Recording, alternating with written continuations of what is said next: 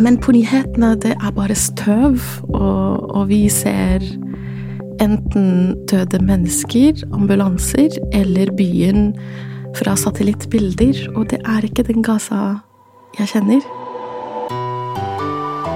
It's a disgrace. And I think they ought to apologize to start with. dominere mediebildet. Failing Media pile of garbage. False and fake, fake, fake, fake, fake.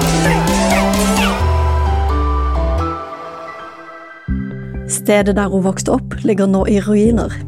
Flere i familien hos henne er døde. Nå jobber NRK-journalisten sjøl med å verifisere bilder fra krigsherjede Gaza. Og velkommen hit til pressepodden, Sahara Muhaisen. Takk. Mitt navn er Kristine Sterud, og før vi går i gang, skal vi ha en kort reklamepause. Vil du være med og skape lydopplevelser i verdensklasse? NRK søker lyddesigner. I denne stillingen får du utfolde deg i lydfaget og jobbe aktivt med lyd i historiefortelling. Les mer på stilling.m24.no. Det er jo ikke akkurat så hyggelig tema vi skal i gang med, men eh, det er fortsatt viktig å, å prate om.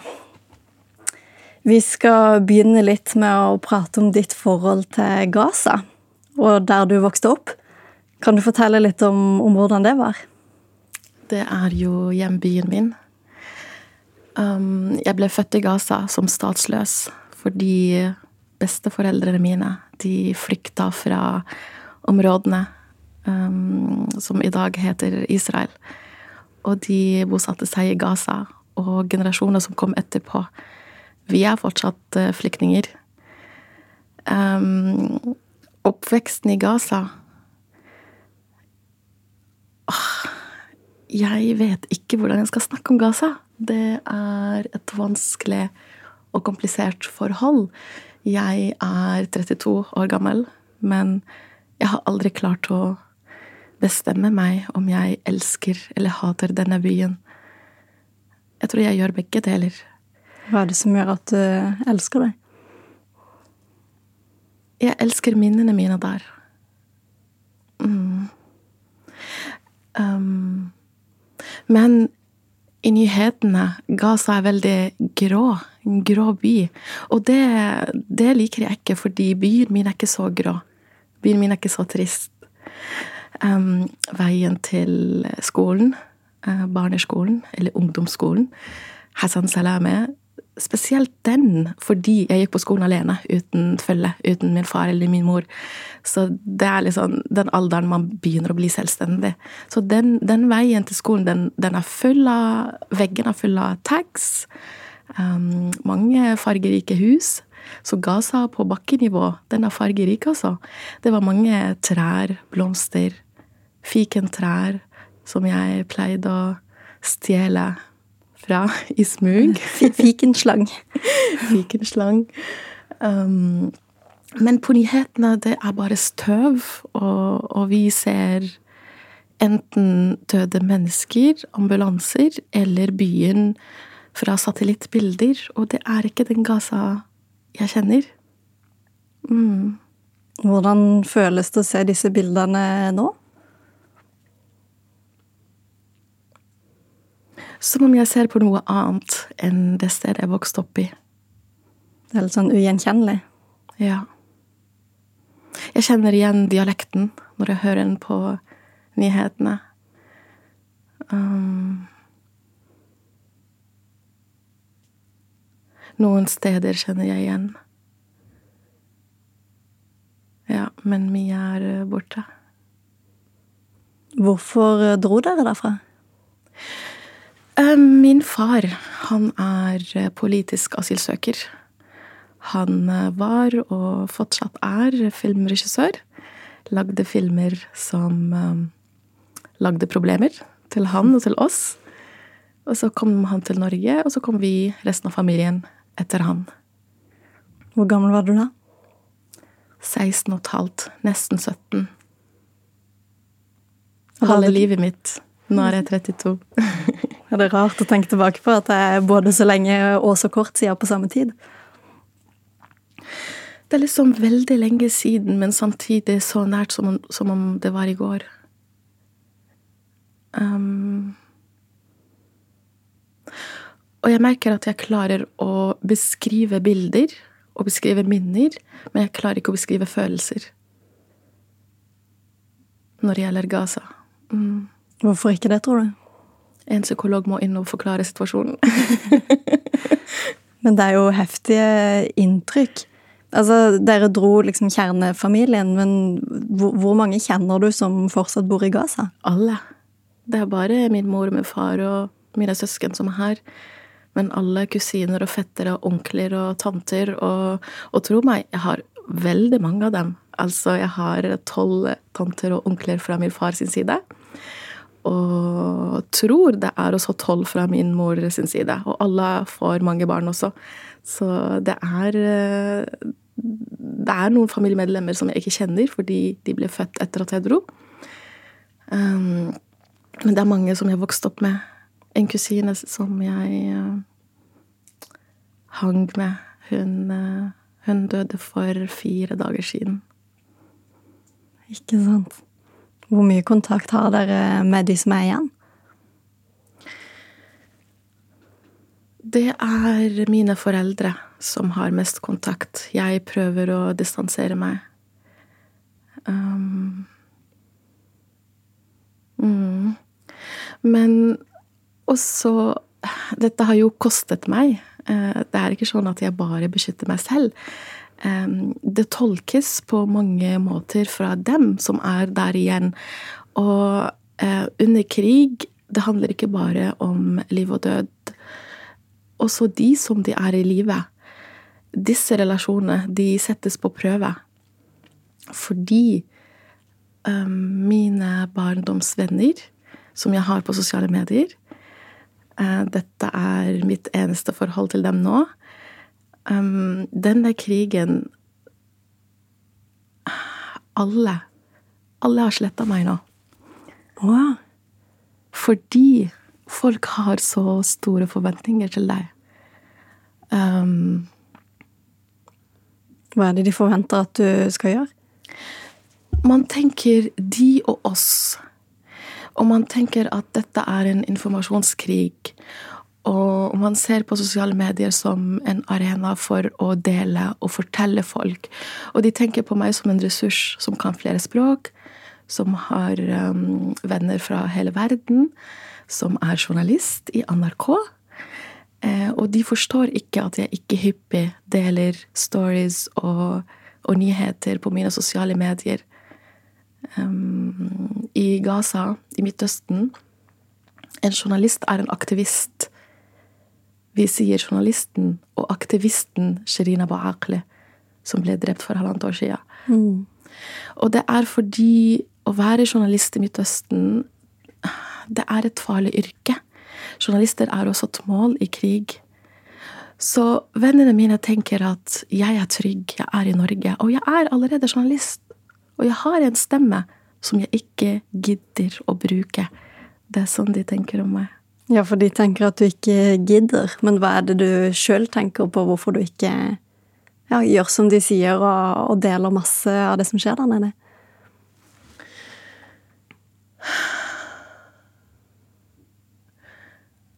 Altså, jeg må velge.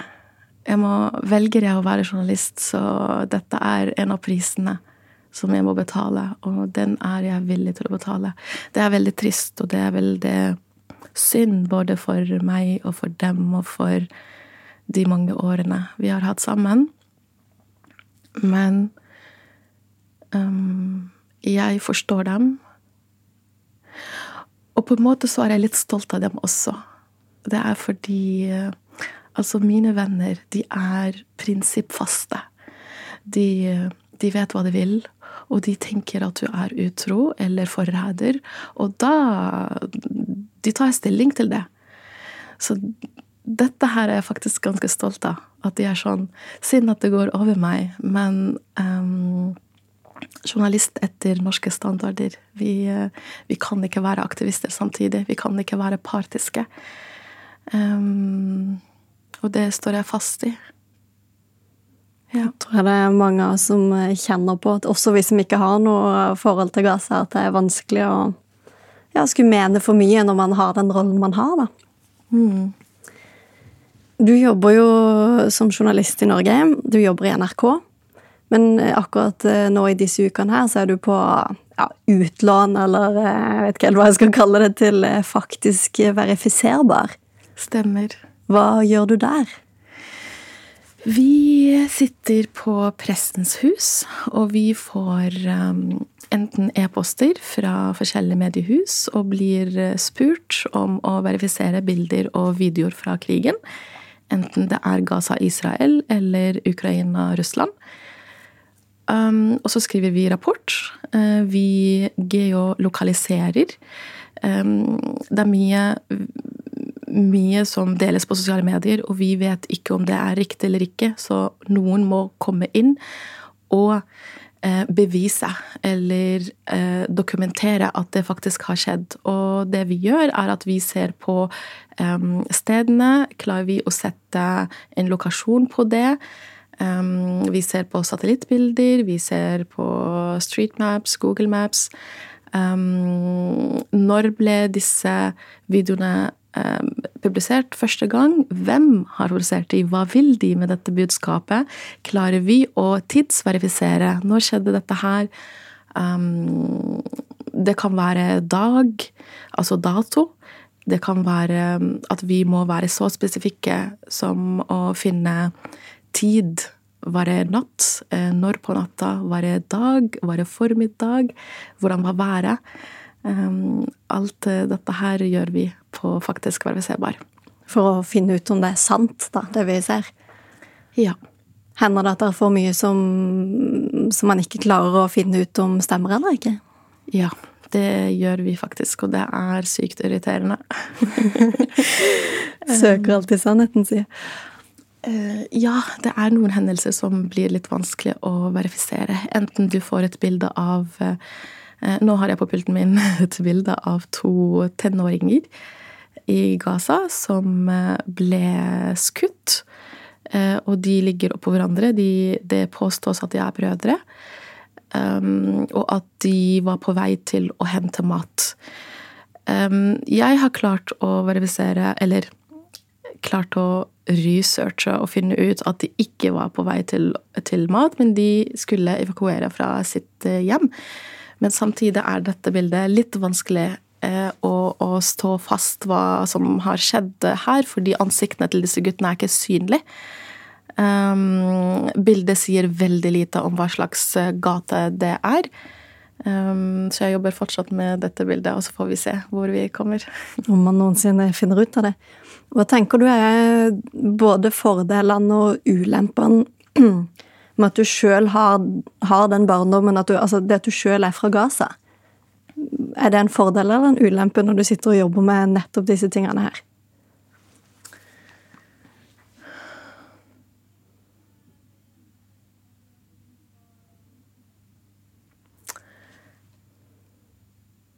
Jeg tror dette er ikke enkelt, verken for meg eller for sjefene mine. Um, det er jeg som hele veien ønsket å jobbe med dette. Og um, vi har hatt mange dialoger frem og tilbake. Eh, fikk et ja, så fikk et nei, så ble jeg frustrert. Så fikk jeg ingen svar, så plutselig var det et ja igjen. Og jeg snakket med redaktøren min for noen dager siden og spurte hvorfor fikk jeg lov? Hvordan er det for dere? Fordi jeg, jeg sitter og tenker jo, men jeg er ikke bare fra Gaza, men jeg er faktisk fagperson. Jeg har to mastergrader, en av dem i gravejournalistikk og den andre i Midtøsten-studier og arabisk. Jeg kjenner dette området. Jeg kjenner språkene. Ikke bare arabisk, men jeg kan også litt hebraisk, så jeg kan bidra på den siden også. Så for meg så er det Faglig sett så er det litt, litt Jeg klarer ikke å, jobbe, å ikke jobbe med dette her. Det blir også litt feil. Og, og at jeg ikke skal få lov til det. Men det, er, det kan også være litt problematisk eh, med tanke på interessekonflikten. Man må vurdere dette her veldig nøye. Så jeg spurte sjefen min hvorfor sa du ja til dette her. Ja, Hva svarte de da? Um, hun trakk frem det med at jeg ikke er bare derfra. men at jeg også er fagperson. Men um, vi har jo hatt flere møter, og på de møtene så diskuterte vi mitt forhold til Gaza, hvor aktivistisk type jeg er, også før jeg ble journalist. Og det er jeg faktisk ikke. Ikke i det hele tatt. Jeg har aldri deltatt eller vært på en demonstrasjon lenge før jeg var Eller før jeg ble journalist. Um, hvis man Altså under de krigene som skjedde i 2008, 2012, 2014 Jeg var aldri aktiv på sosiale medier. Jeg var bare student, en vanlig student på den tiden. Så disse var også med. Um, det ble også trykket frem hvordan jeg har det. Um, jeg tror det vanskeligste for ledelsen, ledelsen var um, personallederperspektivet. Om ok, de hører at jeg sier 'jeg vil dette her', men hvordan kan de være helt sikre på at jeg ikke vil møte veggen snart? Så det er, det er ikke så lett, altså. Verken for meg eller for dem. Og for meg, det er også tøft, selv om jeg vil eh, dette her. Men jeg får energi av å være på jobb. Uh, det hjelper meg ikke å sitte hjemme og følge med uh, på alt som skjer, familie og venner, og ikke forholde meg til dette her profesjonelt. Det, jeg syns å forholde meg til kildene mine, til sakene, til bildene og videoene jeg verifiserer, det er faktisk mye lettere å forholde meg til om min tante fortsatt bor på gata eller klarte å finne et telt. Om dattera til kusina mi som mista begge beina sine, om hun fortsatt blør, eller om hun har fått helsehjelp. Det, det er bedre for meg å tenke på, på den saken fra avstand. Og du føler du får avstand med å, å jobbe med det på den måten du jobber nå, da?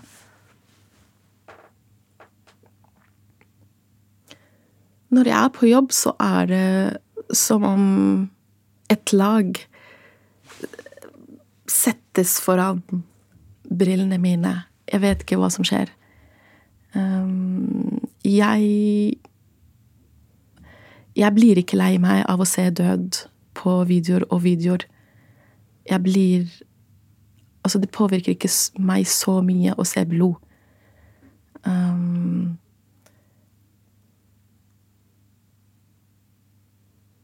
Så dette går fint så langt, og så er jeg bevisst på at hvis jeg kjenner en dag Jeg har en refleks.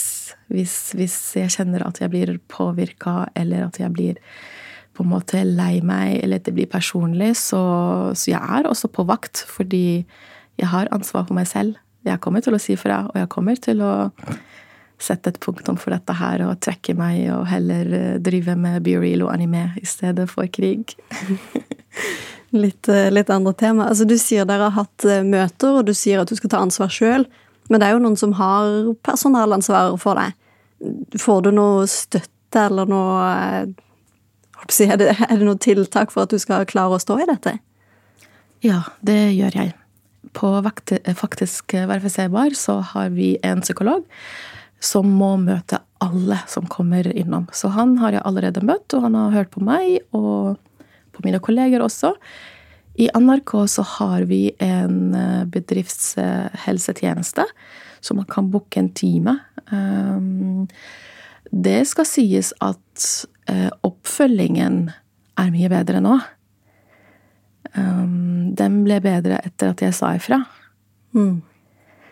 Ehm, men det det ble tatt tak i med en gang eh, jeg sa ifra. Og så har vi har jo et ansvar, vi medarbeiderne, tenker jeg. Um, sjefene mine, kollegene mine, naboene mine, ingen av dem har mista flere familiemedlemmer i krig eller jordskjelv eller i et fly som falt, eller det, det er så fjernt. Så man ofte um, forstår det på avstand. Man forstår det, men man kjenner ikke det i kroppen. Og da blir man usikker. Hva skal man si? Hva skal man gjøre? Hva er riktig å si? Hva er riktig å gjøre? Og det er ikke sikkert det svaret du kommer på, er helt riktig for den personen, fordi vi også medarbeiderne. Vi er forskjellige. Jeg er fra Gaza. Hvis det er en annen person fra Gaza, det er ikke sikkert de reagerer på samme måte som meg. Så eh, jeg syns faktisk også at det er vanskelig fra den andre sida. Så den forstår jeg veldig godt. Hvordan vil du helst at eh, journalistkollegaene dine skal møte deg når det handler om nettopp disse tingene? Jeg har ingen behov for å snakke om disse tingene, men jeg liker å se at du ser det. At du ser meg. Vi trenger ikke å prate om det, men bare litt sånn Ja, jeg vil ikke føle at du er iskald. Um, og jeg vil ikke være en belastning for min avdeling, altså mine journalistkolleger. Jeg vil ikke at de skal sitte og føle seg At det skal være ubehagelig. Hvordan skal vi forholde oss til Sahara? Jeg liker ikke dette her. Uh, men fra sjefperspektivet, de forventer jeg at de skal være mer på banen enn mine journalistkolleger. Og det gjør de nå, da. Vil du være med og skape lydopplevelser i verdensklasse? NRK søker lyddesigner. I denne stillingen får du utfolde deg i lydfaget og jobbe aktivt med lyd i historiefortelling. Les mer på stilling.m24.no. Jeg vil gjerne bare spørre deg om et veldig konkret uh, hendelse som du fortalte skjedde forrige uke. Hva var det som skjedde da? På onsdag var jeg på jobb i Faktisk verifiserbar. Klokken var 15, og så fikk vi en e-post fra NRK. Det var en video av telt som brant, og en FN-skole som ble angrepet. Og mm, vi skulle jo akkurat gå det var slutten av arbeidsdagen, så jeg holdt på å ta på meg jakka. Eh, men kollegene mine, Vebjørn og Sofie, de tok videoen og begynte med den likevel. Og jeg, mens jeg tok på meg jakka, så, så hørte jeg litt på den, og så sto det noen setninger på videoen som jeg oversatte muntlig ganske fort, og så gikk jeg. Hva var, som, hva var, det som, ble sagt, altså? Nei, det sto at eh, teltet brant, og at det var tanks i nærheten av Nasser-sykehuset, eh, altså i nærheten av den skolen, eh, og at de lå bare 600 meter langt unna. Ja, det var eh, sånn informasjon noen som delte på sosiale medier, og så sto denne informasjonen på videoen. Um, så jeg oversatte det fort, og så gikk jeg ti over tre. Og jeg sto på busstoppet og skulle ta bussen, så fikk jeg en melding fra min mor. Og hun skrev at uh, min kusine Nord hun eh, ble drept i nettopp denne hendelsen. Og at uh, vi hadde um, flere familiemedlemmer som var hardt skadd. Hun vet ikke hvor hardt skadde de var. Hun hadde lest det på telegram, men kunne ikke få tak i dem. Um, og at hun kunne lese at uh, tanks eh, var fortsatt uh, på stedet. De var omgitt av tanks og snikskyttere, så um, de fikk ikke tak i leger. Det var det hun visste.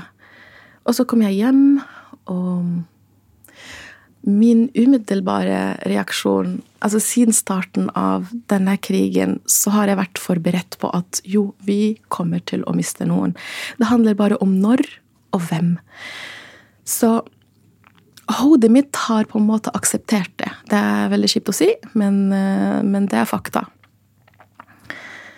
Så emosjonelt sett Jeg satt ikke gråt hjemme, men, men jeg hadde ekstrem ekstremt sterk hodepine. Og det er det min fysiske reaksjon på ting jeg syns er vanskelig, det pleier å være det hodet mitt. Det er hodet mitt som gjør vondt. Men så, tre eller fire timer etter den første meldingen, så kommer den andre meldingen om at eh, de tre andre som var hardt skadd, de var døde, de også. Um, kona til min onkel, hun uh, Hele beina hennes var, var kutta. Og de klarte ikke å stoppe blødningen, så hun døde av dette her. Um, ja, de andre var litt uh, yngre, så de tålte ikke det. Mm. Det er mange andre som er skadd, da, men de, de er mildt skadd. Så de, de snakker man ikke så mye om. De er bare skadd, de er heldige. Mm. Heldige som har overlevd.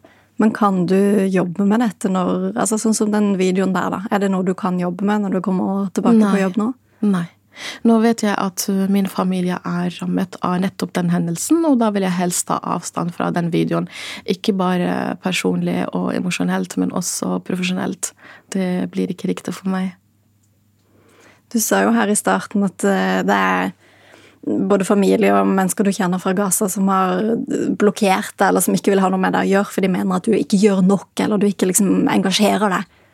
Men er ikke nettopp det at du, gjør, at du bruker liksom journalistkompetansen din til å jobbe med dette, også en måte å på en måte håndtere det, eller eh, Det vet de ikke. De vet ikke at vi har faktisk verifiserbar. De vet ikke at jeg sitter eh, der og ser på disse videoene hver dag. Um, de vet ikke hva jeg gjør. For dem, de ser bare mine stories på Instagram når jeg lager pasta, eller eh, når jeg, har, når jeg tar en selfie med svigerfamilien, og det er julaften. Ikke sant? Så det er, det, det er disse detaljene de blir eh, fornærma av. De blir skuffet over meg. De, de tenker at jeg ikke bryr meg. En eh, av de sakene som jeg husker veldig godt, som kom ganske tidlig i høst, som jeg vet at du var med å, å lage, var en artikkel eh, på nrk.no som het 'Den siste leken'. Hva er det den eh, reportasjen der handler om? Den siste leken er eh, en artikkel av totalt fire. fire. Det er en serie vi kaller Gaza og Israel på fire uker.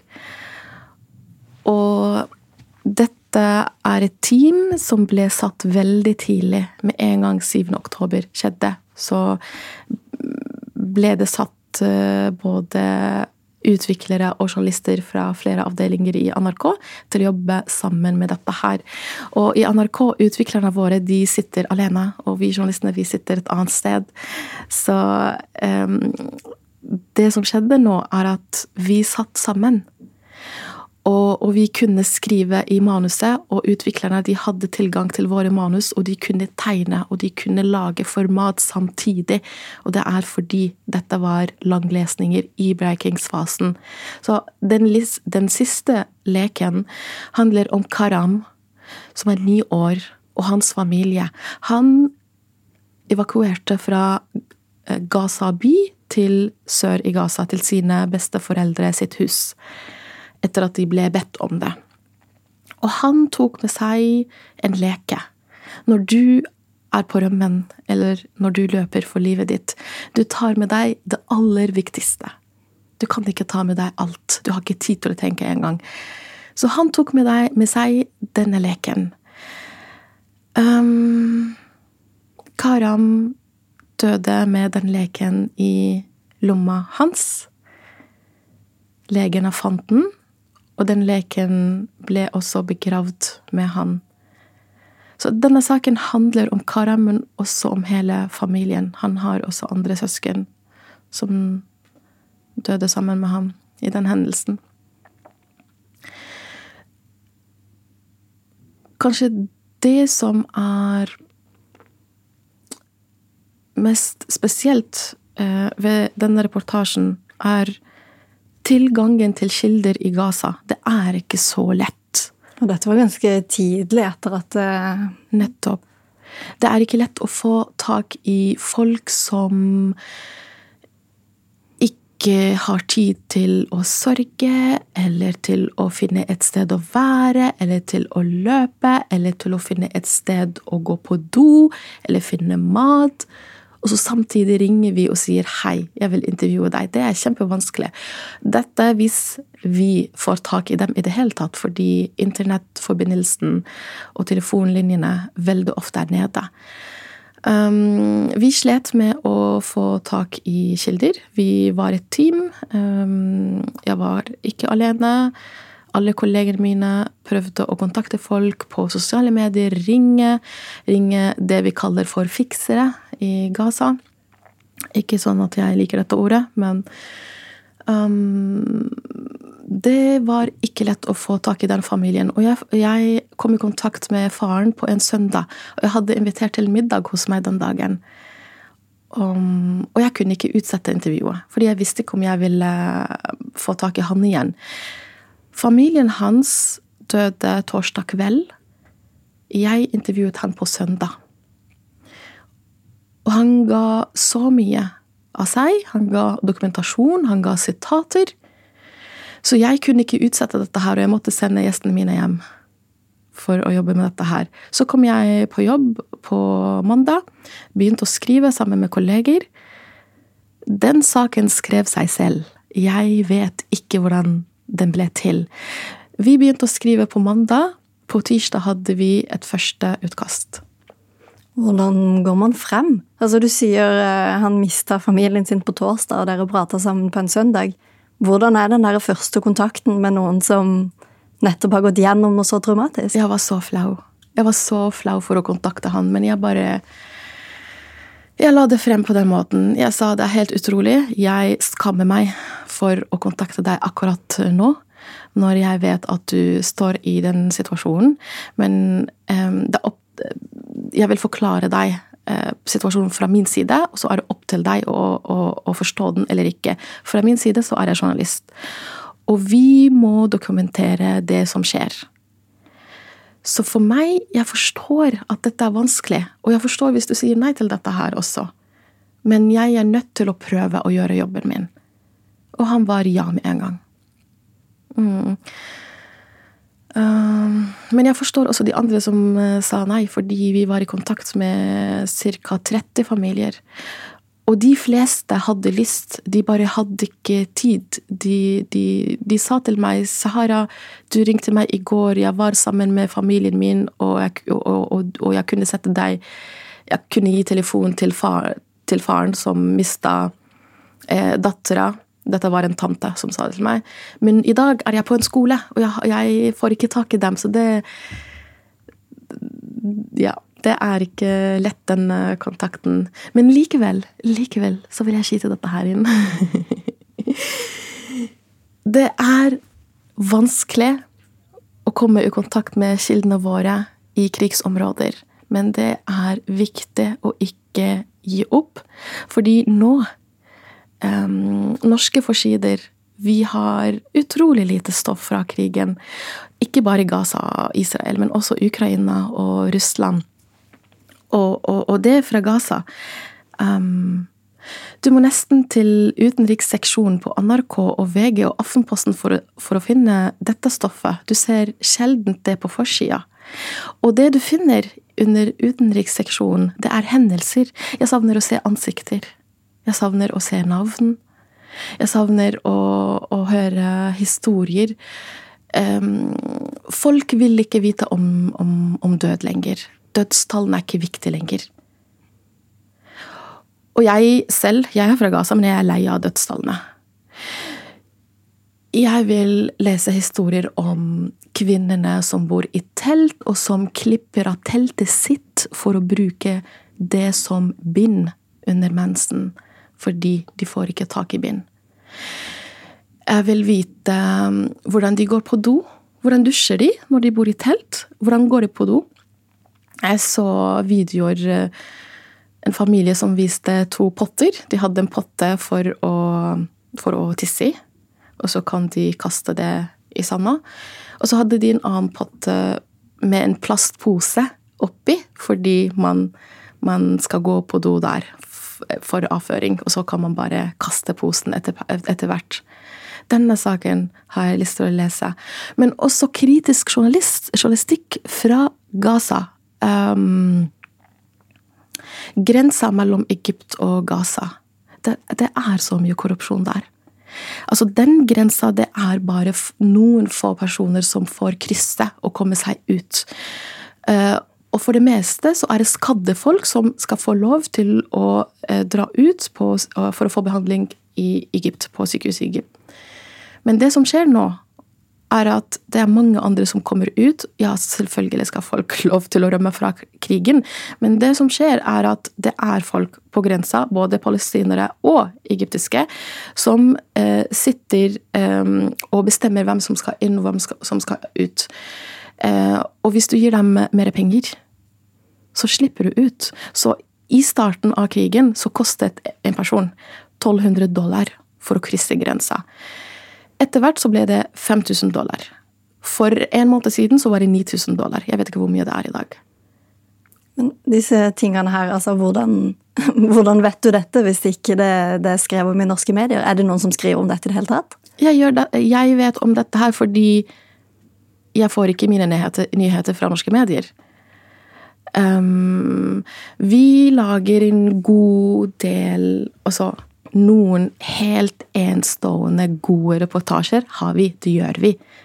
Um, Yama Voldsmals intervju med den israelske eksgeneralen, f.eks. Eller med Hamas' talsperson i Beirut. Eller Dagsrevyens reportasje om barna um, i teltene som som går på en type skole. Det, det, var en ung lærer som satte opp en tavle og samlet barna eh, som hadde flyktet dit, og, og, og, begynte å lære dem alfabetet.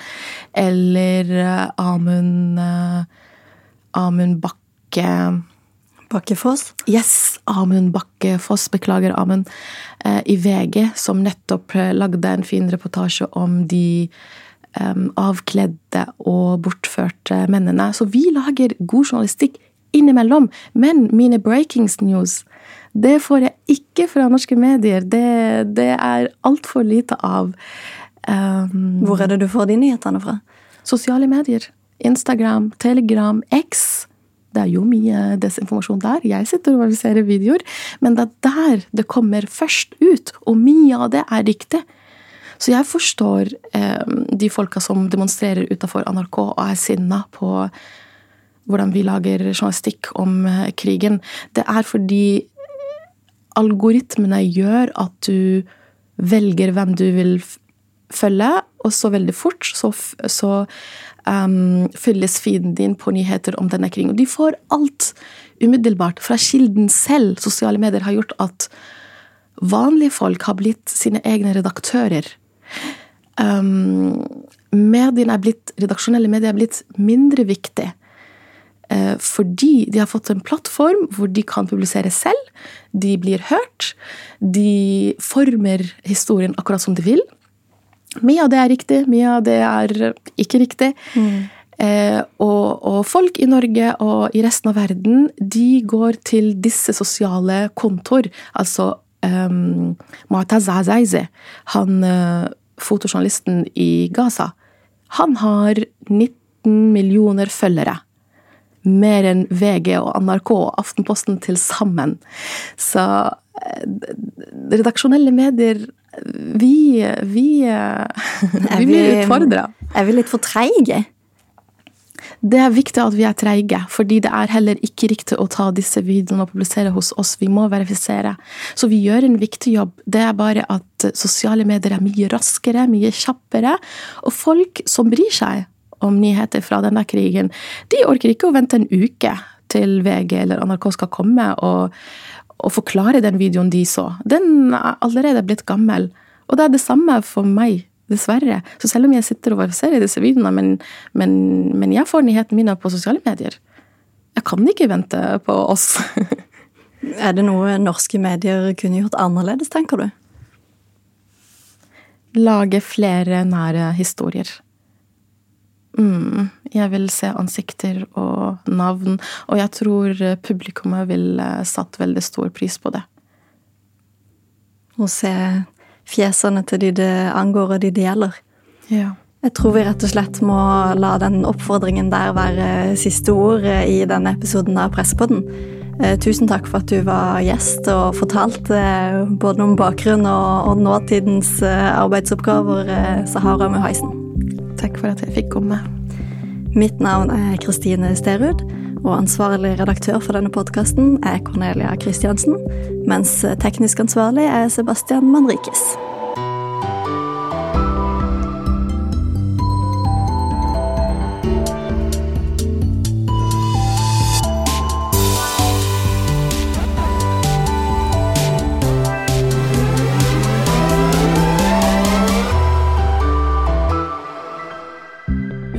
Være med å skape lydopplevelser i verdensklasse? NRK søker lyddesigner. I denne stillingen får du utfolde deg i lydfaget og jobbe aktivt med lyd i historiefortelling. Les mer på stilling.m24.no.